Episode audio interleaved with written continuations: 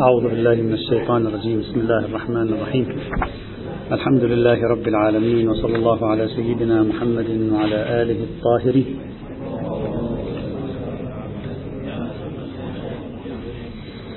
نختم اليوم إن شاء الله تعالى البحث البحوث المتعلقة بتأصيل القواعد التي كنا بصدد البحث فيها لننتقل يوم السبت بإذن الله. للبحث في تطبيق هذه القواعد والدخول في الموارد الجزئية لحقوق الأقليات. اليوم بحثنا آه، بمعنى من المعاني ليس فقهيا ولكنني أريد أن أوظفه في احتمال سأثيره في آخر البحث ينفعنا في التوظيف الفقهي. سأختم ببحث ينفعنا هنا ونحتاجه وهو في الوقت عينه آه، يعطينا أفقا تاريخيا في الوقت عينه. سأسمي البحث من العهود النبوية إلى عهود الخلفاء والملوك والسلاطين. هدفي من وراء إثارة هذا البحث هو احتمالية سأثيرها كما قلت في آخره وتقبلوها أو لا تقبلوها بحث آخر تنفعنا في النتائج التي توصلنا إليها من قبل. لا أريد هنا أن أخوض في قضية العهود والاتفاقيات التي وقعها النبي صلى الله عليه وعلى آله وسلم أو وقعها الخلفاء من بعده أو بنو أمية أو بنو العباس و سواء في داخل الجزيرة العربية خارج الجزيرة العربية شرقها غربها. لا نريد أن هذا بحث تاريخي طويل وموسع. كتب فيه أيضا كثيرون يعني في هذا المجال. فقط أريد أن أجري مقارنة بسيطة بين بعض أنواع العهود والمواثيق مع أهل الذمة بالخصوص وبعض آخر من العهود والمواثيق مع أهل الذمة. سنرى في عندنا تلون وتنوع في في أشكال هذه العهود. وسنحاول أن نستفيد من هذا التنوع بحسب المرويات الموجودة.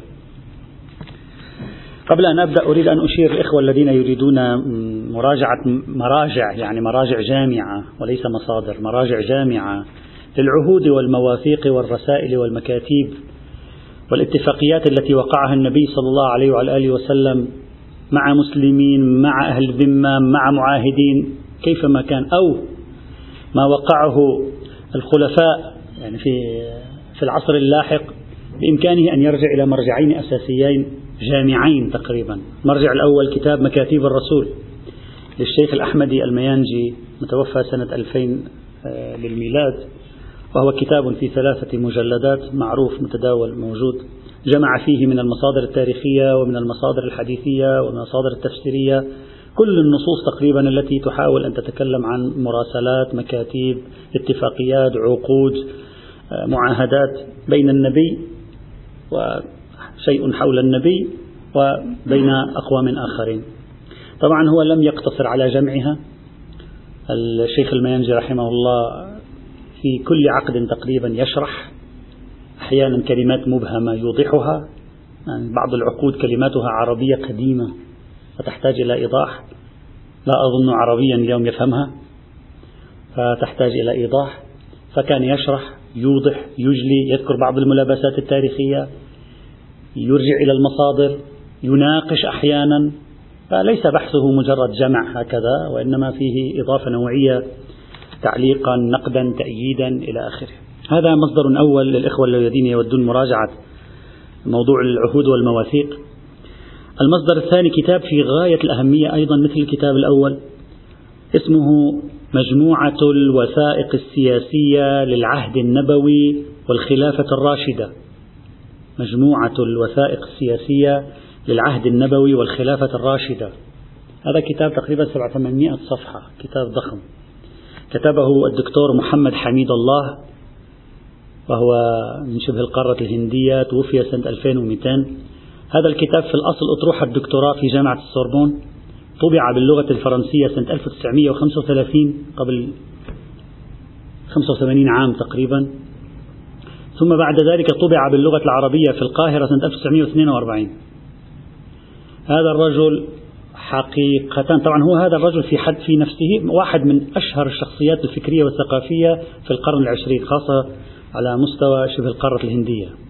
دكتور محمد حميد الله شخصية مرموقة ولها أعمال مهمة ومن أهم كتبه وأعمال هذا الكتاب. هذا الرجل جال وذهب وفتش وعثر على ما يمكنه من صور مخطوطات للعهود للمواثيق النبوية وما بعد العصر النبوي أيضا في عصر الخلفاء الأربعة. وكتب وحقق ويعني بشكل عمله تأسيسي. واستفاد من كتابه الشيخ المينجي أيضا أحال على كتابه وذكر أفكارا موجودة في كتابه. فالكتاب إبداعي حقيقة يعني من أوائل الكتب التي صنفها الباحثون المسلمون في جمع الوثائق السياسية للنبي وعصر الخلفاء الأربعة بعد رسول الله صلى الله عليه وعلى آله وسلم. جمعت 373 وثيقة. طبعا أكبر نسبة صور مخطوطات ولو جزئية جمعها في هذا الكتاب. هذا إذا الإخوة يريدون المراجعة بإمكان مراجعة هذين الكتابين لا بأس بقراءتهما أصلا. قراءة هالكتب تعطيك فضاء المواثيق في في السنين إلى سنة أربعين للهجرة يعني فضاء المواثيق التي وقعها المسلمون مع الآخرين منذ تقريبا قبيل حتى قبيل ليس فقط بعد الهجرة قبيل الهجرة أيضا منذ البعثة إلى يعني شهادة الأمير سلام الله تعالى عليه. تقريبا هذه الفترة كلها تغطيها هذه الكتب خاصة الكتاب الثاني. لو تتبعنا طبيعة المواثيق النبوية لأهل الذمة هذا جبنا هذين الكتابين وأخذنا نقرأ والمواضع اللي هي مواثيق لأهل الذمة أخذنا نقرأها. سنرى في الغالبية الساحقة أن هذه المواثيق صغيرة قصيرة سطرين ثلاث أسطر تدور حول فكرتين. الأمن الأمن في مقابل الجزية هذا هو هذا هو الذمة. يعني المواثيق النبوية ما في فيها فكرة الجزية فقط. أمن وجزية نعطيكم الأمن الأمن مقابل الجزية الآن بين العرب وإسرائيل يقول الأرض مقابل السلام. على أساس نحن نعطيكم السلام وأنتم تعطونا الأرض غزة والضفة الغربية والقدس الشرقية. المعادلة هنا ثنائية الجزية المال في مقابل الأمن. هذه واضحة. ونادرا ما تجد نصوصا في هذه الوثائق فيها تفاصيل ونود. ويفعلون كذا وعليهم أن يفعلوا كذا وعلينا أن نفعل كذا. هذا التطويل أبدا ما تكتر بل وهذا ما ينسجم مع طبيعة الاتفاقيات في عند العرب. العرب طريقتهم ما يحبون هذا التطويل والتفصيل. طرائقهم في البيان هكذا أصلا. اعلم أنني أتفق معك على كذا فتعطيني كذا والسلام. مثل هذا الخليفة الذي لما اعتقلت المرأة المسلمة في ديار الكافرين أرسل له الخليفة العباسي رسالة قال له أما بعد فقد بلغني خبر المرأة المسلمة فأطلق سراحها وإلا أتيتك بجيش أوله عندك وآخره عندي والسلام. خلاص هذا هو. هكذا هكذا النصوص مختصرة. الآن إذا يسوون اتفاقيات بيطلعوا من الاتفاقيات في الأمم المتحدة أو في غيرها بيدهم مثلا 2000 صفحة ها؟ هكذا الآن. هذا ما كان موجود في ذلك. البنود التفصيلية الذهن التفصيلي قانوني ما موجود أصلا. واحدة بواحدة انتهينا. وهذا فعلا ما تجده في المواثيق النبوية بشكل واضح وبشكل جلي. من هنا طبعا أنا لا أريد أن أثبت صحة هذه المواثيق لكن أريد أن أقول ما تعطينا إياه جملة هذه المواثيق أن مبدأ الذمام كان دائر حول هذه الثنائية فقط. تفاصيل هذه التي قرأناها من أمس وكذا ما يوجد شيء حولها. حتى هذا ما أريد أن أؤكده للوصول إلى هذه الفكرة. طبعا لا أريد أن أوثق هذه العهود في كلام كثير في الكثير منها. متى ظهر كثير من هذه العهود أصلا لم نعرفها إلا في زمن متأخر كثير منها لا أسانيد له لا نعرف مصدره لا توجد معلومات دقيقة حوله. مخطوطات أصلا تكاد لا توجد لها شيء حولها. ففي كلام كثير حول هذا الموضوع يعني هذا جهد مؤرخين كبار ومؤسسات مؤرخة تستطيع أن تشتغل على هذا الموضوع. لذلك كثير من هذه العهود محل تشكيك ومحل مناقشة. أنا فقط سأكتفي بواحدة من هذه العهود فقط لأجل يعني لأن اليوم نختم القسم المخصص لقواعد البحث آه، والسبت نبدأ بالقسم الثاني. فسأخذ واحدة هي مثيرة للانتباه أيضا وتضيف إلى معلوماتنا معلومات. واحدة من العهود النبوية التي أثارت ضجة في العالم ما يعرف بمخطوطة دير سانت كاترين في جنوب سيناء. دير القديسة كاترين في جنوب سيناء. الآن إذا سوى على جوجل إيرث search دير القديسة كاترين أو سانت كاترين سيظهر لك في جنوب سيناء في وسط الجبال القاحلة دير ضخم قاعدة حوزة علمية ضخمة في وسط جبال قاحلة لا يوجد فيها حياة مساحة هائلة من حولها لا يوجد فيها حياة دير مسيحي يعود إلى القرون الأولى الميلادية. في هذا الدير توجد مكتبة يقال هي ثاني أكبر مكتبة مخطوطات للمسيحيين في العالم بعد الفاتيكان. دير القديسة كاترين في جنوب سيناء إلى يومنا هذا موجودة وقائمة. هذه المخطوطة ظهر في هذا الدير مخطوطة. نوقش في صحتها. يعني أهل الدير قدموا مخطوطة نوقش في صحة هذه المخطوطة. لماذا نوقش؟ لأنه في موضوع مهم جدا علينا أن نأخذه بعين الاعتبار وهو منطقي جدا. من الممكن أن يقوم النصارى بأنفسهم بتزوير مخطوطات واختلاق مخطوطات ممكن هم يفعلون ذلك لأجل أن يقولوا هذه عهدة نبوية أو عهدة عمرية أو عهدة أبي بكرية. ونحن أخذناها في زمن الفتوحات الأولى لكي يحموا أنفسهم من جور السلاطين. لأن السلاطين المسلمين عبر التاريخ لهم تاريخ طويل بينهم وبين الأقليات النصرانية. أحيانا يظلموهم أحيانا النصارى يتمردون. فممكن جدا وهذا احتمال أثاره العديد من المؤرخين خاصة المشتغلين في موضوع المخطوطات العهد العهد أنه من الممكن أنهم يكونوا يعني فبركوا هذه العهدة لكي لأن العهدة هذه بصالحهم. لكي يقولوا بأن يجب أن نكون محميين ولا تقتربوا منا في هذا المجال أبدا. هذه المخطوطة التي كانت في الدير عندما دخلت العثمانيون على يد السلطان سليم العثماني الأول في سنة 1517 عندما دخلوا إلى الدير أخذوا هذه المخطوطة إلى تركيا. وأبقوا نسخة عنها يعني استنسخت وأبقيت هناك. والنسخة الموجودة الآن في مصر هي نسخة مستنسخة عن النسخة الأصلية التي يقال أنها الآن في الأسيتانا يعني في إسطنبول في آه، في تركيا. والآن مؤخرا يوجد نقاش أيضا مصري تركي. تعرفون الآن العلاقات المصرية التركية مشكلة. فيوجد نقاش مصري تركي وبعض المصريين يطالبون بإعادة هذه المخطوطة باعتبار أنها جزء من الثروة الوطنية المصرية. يعني المطالبة التركية بالحصول على هذه المخطوطة المهمة التي يعني صار حولها كثير في العالم. طيب هذه المخطوطة نصها ما هو؟ أنا فقط أتيت بها كمثال. أنتم ستلاحظون هذه المخطوطة يعني لا يكاد الإنسان يثق بها. دعك من أسلوبها المطول دعك من عباراتها غير الفصيحة عربيا. دعك يعني من سترى نوع من عدم وجود تلك القوة اللغوية وأن هذه التعابير ممكن أن تكون وجدت في القرن الثاني والثالث وممكن تكون نحتت واختلقت لأجل أن يؤمنوا مصالحهم تجاه حكام المسلمين. يقول بسم الله الرحمن أنا سأقرأ فقط مقاطع منها. بسم الله الرحمن الرحيم وبه العون. نسخة سجل العهد كتبه محمد بن عبد الله رسول الله صلى الله عليه وعلى آله وسلم. طبعا هي النسخة المخطوطة الموجودة يعني صورتها موجودة في الإنترنت الآن استطعتك أن تقرأها. صلى الله عليه وسلم. شيخ الميانجي حذف وسلم حطب آله على الطريقة يعني لأنه بعد مشكلة فأحيانا تجد اختلافات نسخ نازعة عن الموضوع المذهبي. لكن هي هكذا صلى الله عليه وسلم. إلى كافة النصارى.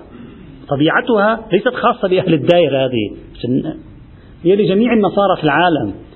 هذا كتاب كتبه محمد بن عبد الله إلى كافة الناس أجمعين بشيرا ونذيرا. ومؤتمنا على وديعة الله في خلقه لئلا يكون للناس على الله حجة بعد الرسل. وكان الله عزيزا حكيما. كتبه لأهل ملته ولجميع من ينتحل دين النصرانية من مشارق الأرض ومغاربها قريبها وبعيدها فصيحها وعجميها معروفها ومجهولها كتابا جعله لهم عهدا.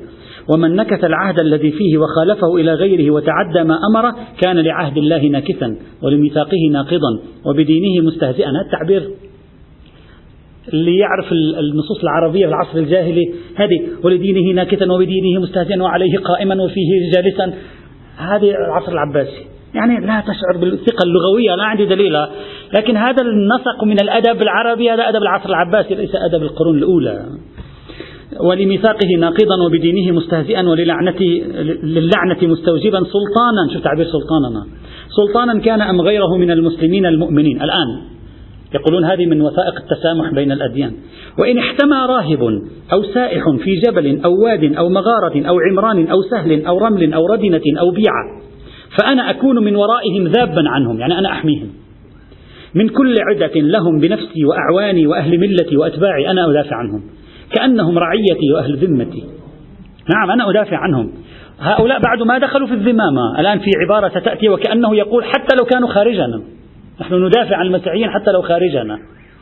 وأن أعزل عنهم الأذى في المؤن التي تحمل تحمل أهل العهد من القيام بالخراج إلا ما طابت به من نفوسهم وليس عليهم جبر ولا إكراه على شيء من ذلك. ولا يغير أسقف من أسقفيته. هذا النص وضعوه على شكل يعني كليشيه باعتبار أنه مهم بالنسبة للنصارى.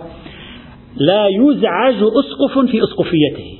هؤلاء يترك لهم ما يريدون. ولا راهب من رهبانيته ولا حبيس من صومعته ولا سائح من سياحته ولا يهدم بيت من بيوت كنائسهم وبيعهم ولا يدخل شيء من مال كنائسهم في بناء مسجد.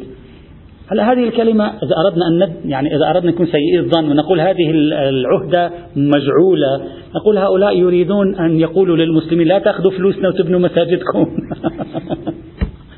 كأن إذا كانت مجعولة يعني كانت يعني خلاص. كل ما نطلع فلوس تأخذوها وتروح تعمروا مسجد. خلاص لا تاخذوا النبي قال لا تأخذوا. ولا يدخل شيء من مال كنائسهم في بناء مسجد ولا في منازل المسلمين. آه، لا أدري. لا أدري لماذا قالها. لا, لا أعرف.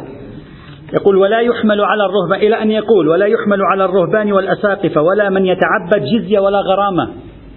وأنا أحفظ ذمتهم أينما كانوا من بر أو بحر في المشرق والمغرب والشمال والجنوب. شوف الشمال والجنوب. الشمال والجنوب. وهم في ذمتي وميثاقي وأماني من كل مكروه. وكذلك من ينفرد بالعبادة في الجبال والمواضع المباركة. إلى أن يقول ثم يتكلم بكلام طويل إلى أن يقول ولا يجادل إلا بالتي هي أحسن. ويخفض لهم جناح الرحمة. ويكف عنهم أدب المكروه. حيثما كانوا وحيثما حلوا. التكرار. وإن صارت النصرانية عند المسلمين فعليهم برضاها. هذا يوحي وكأنه ليتكلم حتى الآن عن النصرانية التي هي خارج بلاد المسلمين. يعني كأنما نحن متعهدون بالعهدة النبوية أن نحمي أي نصراني يعيش خارج بلادنا أيضا. الآن يقول وإذا جاءت النصرانية لبلاد المسلمين فعليه برضاها. وتمكينها من الصلوات في بيعها ولا يحيل بينها وبين هوى دينها. على يتحى ثم يتكلم عن نقل السلاح إلى أن يقول الذين شهدوا هذه العهدة من هم؟ علي بن أبي طالب أبو بكر بن أبي قحافة عمر بن الخطاب عثمان بن عفان أبو الدرداء أبو هريرة إلى آخره. وكتب علي بن أبي طالب هذا العهد بخطه في مسجد النبي صلى الله عليه وسلم. الآن التاريخ مهم. بتأريخ الثالث من المحرم ثاني سني الهجرة. قبل أن تبدأ الحروب. هذا ملفت أن النبي أعطى عهد على من أمته لجميع نصارى العالم قبل أن تبدأ ثقافة الجهاد تقريبا. وبالتالي هذا العهد يكون موجودا. هذه عهدة قيلت على إذا كانت صحيحة فهي نص تاريخي في غاية الأهمية وإذا لم تكن صحيحة فعلى أي حال النصوص الأخرى ليس فيها إشارة لشيء من هذه التفاصيل. هذا مثال أعطيته إلى المواثيق النبوية. نأتي إلى العهد الخلفاء بعد النبي مع أهل الذمة فقط. أتكلم فقط مع أهل الذمة واليهود والنصارى. لا ذاك وثيقة أهل المدينة.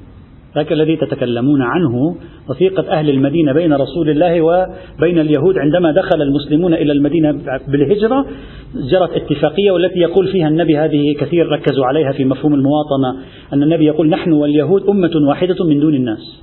فالنبي جعلنا مع اليهود أمة واحدة وبالتالي أدخلنا في مفهوم الأمة الواحدة. بعضهم يقول هذا معناها أن الإمام المسلمين بإمكانه أن يجعل غير المسلمين داخل مفهوم المواطنة. على أي حال. نجي إلى عهود عهد الخلفاء. أقصد بالخلفاء الخلفاء الأربعة. لا لا لا هذا النبي رسول الله صلى الله عليه وسلم. نبوية أنا لم قلت عمرية. نبوية. نعم. نجي إلى العهود بعد العهود النبوية نأتي إلى عهود الخلفاء. عهود الخلفاء أيضا على نوعين. كثير منها مختصر سطرين على الطريقة النبوية ومبدأها الجزية في مقابل الأمن. انتهينا. في مقابل نعيش معكم بسلام ولا يوجد مشاكل بيننا وبينكم. لكن بعضا منها مفصل ويدخل في الجزئيات والتفاصيل. أنا لا أريد أن أطيل فقط لأضعكم في الجو. أريد فقط أن أتوقف قليلا عندما يعرف بالعهدة العمرية. فقط أذكر لأن في غاية الأهمية لا بأس أن نطل عليها. العهدة العمرية هي عهدة عمر بن الخطاب لأهل الشام أو إذا قلنا هم ليسوا اثنين أو عهدة عمر بن الخطاب لأهل إيليا يعني لأهل القدس. هذه العهدة كتب حولها كثير وانتشر صيتها في الآفاق وفيها كلام كثير جدا. أقدم نص تاريخي لهذه العهدة تاريخ اليعقوبي متوفى 284 للهجرة أقدم نص تاريخي ينقل لنا العهدة العمرية هو تاريخ اليعقوبي قبل تاريخ اليعقوبي لا يوجد أي مؤشر للعهدة العمرية أصلا. ما في كلام حتى إشارة في ضمن كلام هنا وهناك في الروايات في الكذا أصلا لا يوجد شيء من هذا القبيل. العهدة العمرية بعد فتح المسلمين بعد معركة اليرموك سنة 15 للهجرة على يد عبيد الله بن الجراح. المعروف تاريخيا أن البطريرك في القدس قال أنا حوصرت المدينة قال أنا لا أسلم المدينة لا أعطي مفاتيح المدينة إلا أن يأتي خليفة المسلمين فأرسلوا إلى عمر بن الخطاب في المدينة المنورة فجاء عمر بن الخطاب إلى القدس. وجلس مع البطريركية في القدس وحصل الاتفاق على أن يسلموه مفاتيح مدينة القدس ليدخلها المسلمون. فعلا دخلها المسلمون. يعني صار هذا الأمر ووقعت العهدة العمرية سنة 15 أو 16 للهجرة. وكان البطريرك اسمه صفرانيوس وهو كان بطريرك الكنيسة اليونانية الأرثوذكسية للقدس. عندما نراجع نص العهدة العمرية نجد أيضا شكلين للنص. شكل مختصر وشكل مفصل. أنا أنا يهمني هذا موضوع الشكل المختصر والمفصل. نتوقف عنده كما قلت قبل قليل. أما الشكل المختصر فهو الموجود في تاريخ اليعقوبي متوفى 284 موجود في تاريخ ابن البطريق سعيد بن المطريق المتوفى 328 ابن البطريق مؤرخ مسيحي بالمناسبة ليس مسلما أصلا. مؤرخ مسيحي ابن البطريق سعيد بن البطريق. مؤرخ مسيحي. أيضا ذكرها باختصار. ابن الجوزي أيضا ذكرها وهو متوفى سنة 597 للهجرة. نص أنا أنقل نص اليعقوبي سطرين. يقول بسم الله الرحمن الرحيم. هذا كتاب كتبه عمر بن الخطاب لأهل بيت المقدس. إنكم آمنون على دمائكم وأموالكم وكنائسكم. لا تسكن ولا تخرب إلا أن تحدثوا حدثا عاما وأشهد شهودا. لا يوجد جزية. هذا النص جزية ما فيه. واضح. لا يوجد جزية فقط وأشهد شهودا يعني ذكر شهود. في النص المختصر حتى الجزية ليس ليس لها ذكر أصلا في العهدة العمرية. هذا نص. الشكل الثاني وهو الشكل المفصل. الشكل المفصل ذكره ابن عساكر المتوفى 571 لكن الأصل قبل ابن العساكر عادة ينسبونه إلى ابن العساكر. ولكنني وجدته بنص شبيه جدا عند البيهقي في كتاب السنن الكبرى. والبيهقي متوفي 458 للهجرة. يعني قبل ابن عساكر بأكثر من 100 عام تقريبا موجود بعينه. أهم النصوص نص الوثيقة العمرية يقول بسم الله الرحمن الرحيم. هذا كتاب لعبد الله عمر أمير المؤمنين من نصارى مدينة كذا وكذا. الآن خلوني أشرح لكم. النص المطول لا يقول كلمة القدس. كلمة القدس ما موجود. بل في بداية النص يقول صالح أهل الشام. طبعا هذه المناطق كلها أهل الشام كانت. يقول صالح أهل الشام. طبعا أنت الخليفة لما يصالح بطريركية القدس يعني صالح أهل الشام لأن بطريركية القدس هي البطريركية الأم للمنطقة بأكملها عند المسيحيين. فيمكن أن تقول صالح أهل الشام ويمكن أن تقول صالح بطريركية القدس للمسيحيين. طيب. الرواية ماذا تقول؟ تقول هم هم. كتبوا لعمر بن الخطاب كتابا. أنه نحن يا جماعة نصالحكم على هذا. عمر بن الخطاب وافق وأضاف قيود. الآن أنت عندما تقرأ العهدة العمرية المطولة المطولة هذه ستعرف وترى تشابها مع بعض الروايات التي بالأمس قرأناها. هذا الذي أريد أن أصل إليه. فترى تشابها مع بعض الروايات التي قرأناها بالأمس عند السنة والشيعة. ماذا يقول؟ هم يقولون هذا كتاب لعبد الله عمر أمير المؤمنين من نصارى مدينة كذا وكذا إنكم لما قدمتم علينا سألناكم الأمانة لأنفسنا وذرارينا وأموالنا. يعني إذا جيت إلينا نحن نسألكم الأمانة لأنفسنا وذرارينا وأموالنا وأهل ملتنا وشرطنا لكم على أنفسنا. الآن شوف الشروط. أن لا نحدث في مدينتنا ولا فيما حولها ديرا ولا كنيسة ولا قلبة ولا صومعة راهب. أن لا يحدث الكنائس. ويحدث الكنائس النص الآن التاريخي الأقدم في موضوع إحداث الكنائس لا الحديثي التاريخي هو نص العهدة العمرية. لا يوجد في نصوص النبي أن لا يحدث الكنائس في الاتفاقيات التي بينهم وبينهم. ولا نجدد ما خرب منها. ولا نجني ما كان منها من خطط المسلمين ولا نمنع كنائسنا أن ينزلها أحد من المسلمين ثلاث ليال نطعمهم. يعني إذا بدوا المسلمين ينزلوا سافرين ينزلوا بالكنيسة ما فينا نقول لهم لا. ننزل ونحن نطعمهم أيضا. ولا نؤوي في كنائسنا ولا في منازلنا جاسوسا.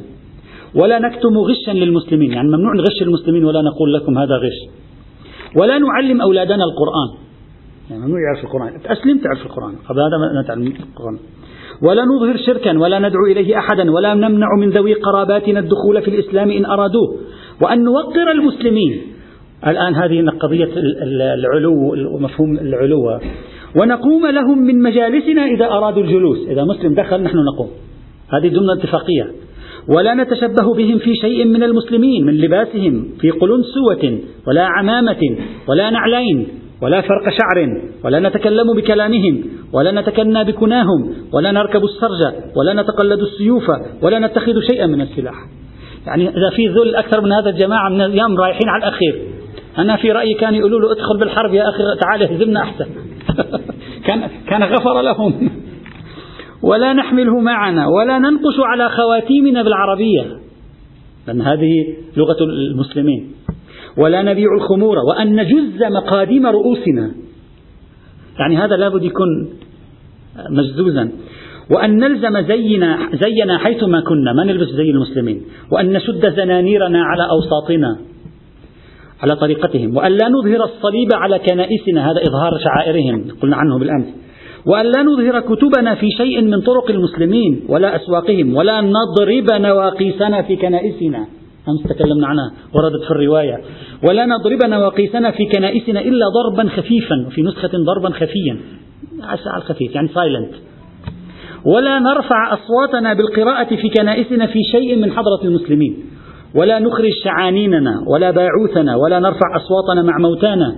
ولا نظهر النيران معهم في شيء من طرق المسلمين وأسواقهم. ولا نجاورهم بموتانا.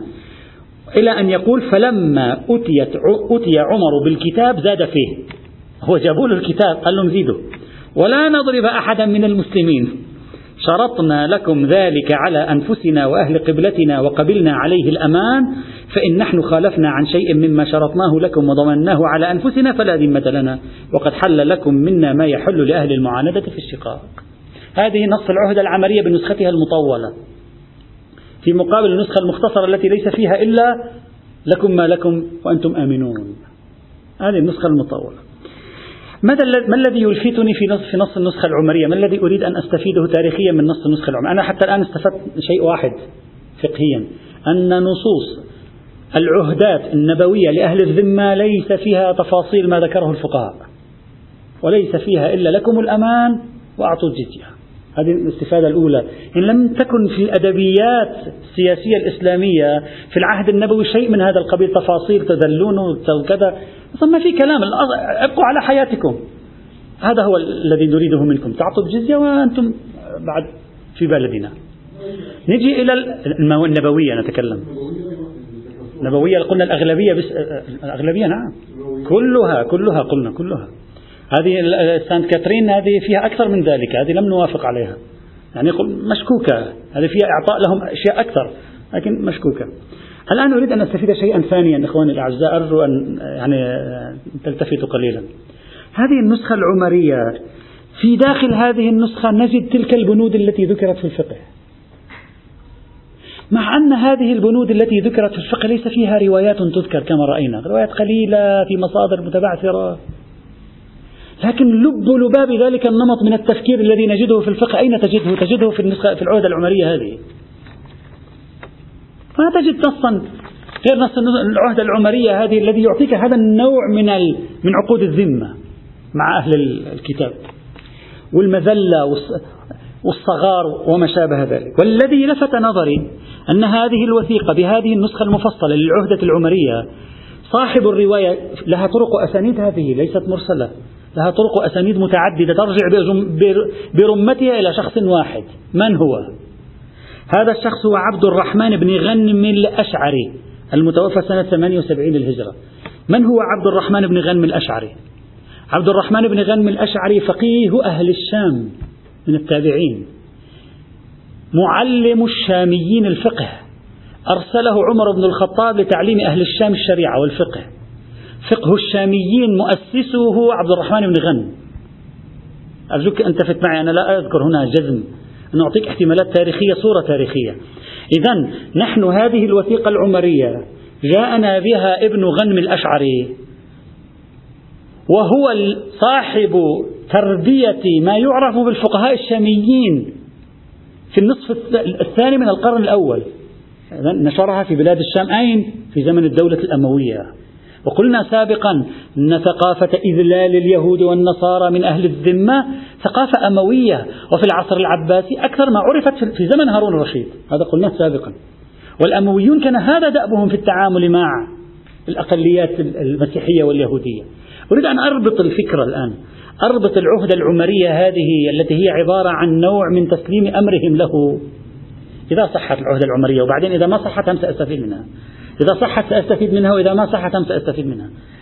إذا صحت ممكن أن يكون هذا الذي ورد في هذه العهدة أخذه عبد الرحمن ابن غنم الذي فقه أهل الشام على هذا النمط من فقه أهل الذمة. يعني رباهم على ما سار عليه توافق الخليفة عمر بن الخطاب مع أهل الشام في هذا في هذا المجال. وهذا ما يقوي احتمال. أن هذه الرواية ربما تكون هي التي أثرت في فقه الشاميين وأن فقه الشاميين صار فقها قاسيا على أهل الذمة ربما بسبب تلقيهم هذه العهدة. هذه النسخة من العهدة هذا هذه الرواية من العهدة. وأن فقه الشاميين هو الذي أثر في فقه سائر مذاهب المسلمين. ممكن. أنا فقط أحلل تاريخيا في هذا الإطار خاصة ونحن نعرف أن أهل السنة يعتبرون تصرفات وعقود وأعراف عمر بن الخطاب أشبه في قوة النص الديني. صلاة التراويح وغيرها تعطيك هذا. فأرى أنه من المحتمل أن ما سلكه عمر بن الخطاب مع هؤلاء القوم فيما رواه لنا زعيم الفقه الشامي عن تلك الفترة تم تلقيه وكأنه أساس ديني. ثم نفذ في الفقه الإسلامي وكأنه أساس ديني وصار يدعم بقاعدة وهم صاغرون وصار يدعم بقاعدة العلو ونفي السبيل وصار يؤيد بشكل من الأشكال. هذا هو الذي أريد أن أستفيده كإحتمال لأننا لا نجد تلك اللغة التي في الفقه خاصة في الفقه السني. في هذا المجال لها شبيه بحجم هذه الشباهة الموجودة في العهدة العمرية في نصها المفصل. بل سواء صحت هذه الوثيقة أم لم تصح هذه الوثيقة لنقل هذه وثيقة موضوعة وضعها ابن غنم أو وضعها شخص بعده شخص أو شخصين. يترجح أن هذه الوثيقة ظهرت في القرن الثاني الهجري جعلت في القرن الثاني الهجري. وبالتالي حتى لو جعلت في القرن الثاني الهجري أيضا ممكن أن يكون لها أثر في الظهور حينئذ. ممكن أن يكون لها أثر في الظهور في مثل هذه الحال. إذا ما أريد أن أثيره بوصفه احتمالا احتمالا تاريخيا أن ثقافة الضغط على أهل الذمة ربما تكون جاءت بتأثير مما فعله عمر بن الخطاب أو قيل بأنه فعله عمر بن الخطاب مع ما لعمر بن الخطاب من قوة النص الديني في عند جمهور كبير من المسلمين. وتم تناقله على أنه سيرة الخلفاء. واشتهر بين الفقهاء واشتهر بين المسلمين ودافعوا عنه فيما بعد. لا أريد أن أقول أخطأ عمر أو لم يخطئ لا يهمني. لكن أريد أن أقول أخطأ عمر أم لم يخطئ ممكن أن يكون تم تلقي السيرة التاريخية هذه على أنها بمثابة ما هو أشبه بقوة القانون. وبالتالي صاروا يعني ينظرون لها فيما بعد ويدافعون عنها. وطبعا عندي مثال ثاني لكن هذا المثال لا أريد أن أدافع عنه الآن. باعتبار هذا المثال تواجهه روايات عديدة صحيحة السند عند السنة والشيعة على ما هو المعروف. أيضا أنا أحتمل شخصيا أحتمل فكروا فيها. نحن الآن فقط نفكر بصوت عال أحتمل أن روايات قتل المرتد ربما تكون اختلقت في القرن في القرن الأول أو القرن الثاني الهجري بهدف تبرير ما سمي قبل ذلك بحروب الردة. هذا نفس الشيء. محتمل أن تكون أدلة قاعدة العلو وتطبيق قاعدة العلو مع أهل الذمة وتطبيق مفهومهم صاغرون وغير ذلك. كانت تبريرات اجتهادية لتبرير شيء يشبه العهدة العمرية وسياسة عمر بن الخطاب التي قيل بأنها كانت موجودة مع نصارى أهل الشام. أقول ممكن. يجب أن نفكر دائما في أنه من الممكن أن تكون السلطة السياسية في زمان ما فعلت شيئا ثم ظهرت بعد ذلك نصوص أو أدلة تبرر ما فعلته السلطة. هذا شيء متعارف متوقع. ممكن أن تكون السلطة السياسية لأبي بكر ممكن أن تكون السلطة السياسية لعمر بن الخطاب قد فعلت شيئا. ثم بعد ذلك اختلف المسلمون على ما فعله هؤلاء فدافع عنهم قوم ورفضه آخرون فبدأت تختلق التبريرات وتحولت التبريرات إلى اجتهادات وصارت الاجتهادات أدلة شرعية في كتب الفقه. يجب أن لا يغيب عن بالنا احتمالية شيء من هذا القبيل. أنا شخصيا لا أستبعد أن هذه الوثيقة صحت أو لم تصح كان لحضورها في الطرق والأسانيد لأنه في طرق وأسانيد متعددة لها كان لحضورها في الطرق والأسانيد ولو كانت ربما ضعيفة الإسناد عند محدثي أهل السنة كان لحضورها دور في تكريس مثل هذه الثقافة واختلاق تبريرات فقهية لشيء من هذا القبيل والله العالم. هذه خاتمة فقد أحببت أن أضعكم في هاتين الفكرتين. اختصار المواثيق النبوية وعدم تضمنها لأي سياسة داخلية مع أهل الكتاب. ثانيا اختصار المواثيق في عهد الخلفاء أيضا الأربعة وعدم تضمنها لشيء وما تضمن منها هو الوثيقة العمرية التي لا يبعد أن تكون أصلا فيما قيل بعد ذلك إنه أحكام فقهية. والله العليم العلم عند الله. انتهينا من القواعد التسعة التي كنا بصدد بحثها. يوم السبت إن شاء الله سنبدأ بتطبيق القواعد التسعة أو الدخول في بعض الأدلة الخاصة المتصلة بحقوق الأقليات ونحاول إن شاء الله تعالى قبل شهر رمضان المبارك أن نكون قد انتهينا. والحمد لله رب العالمين.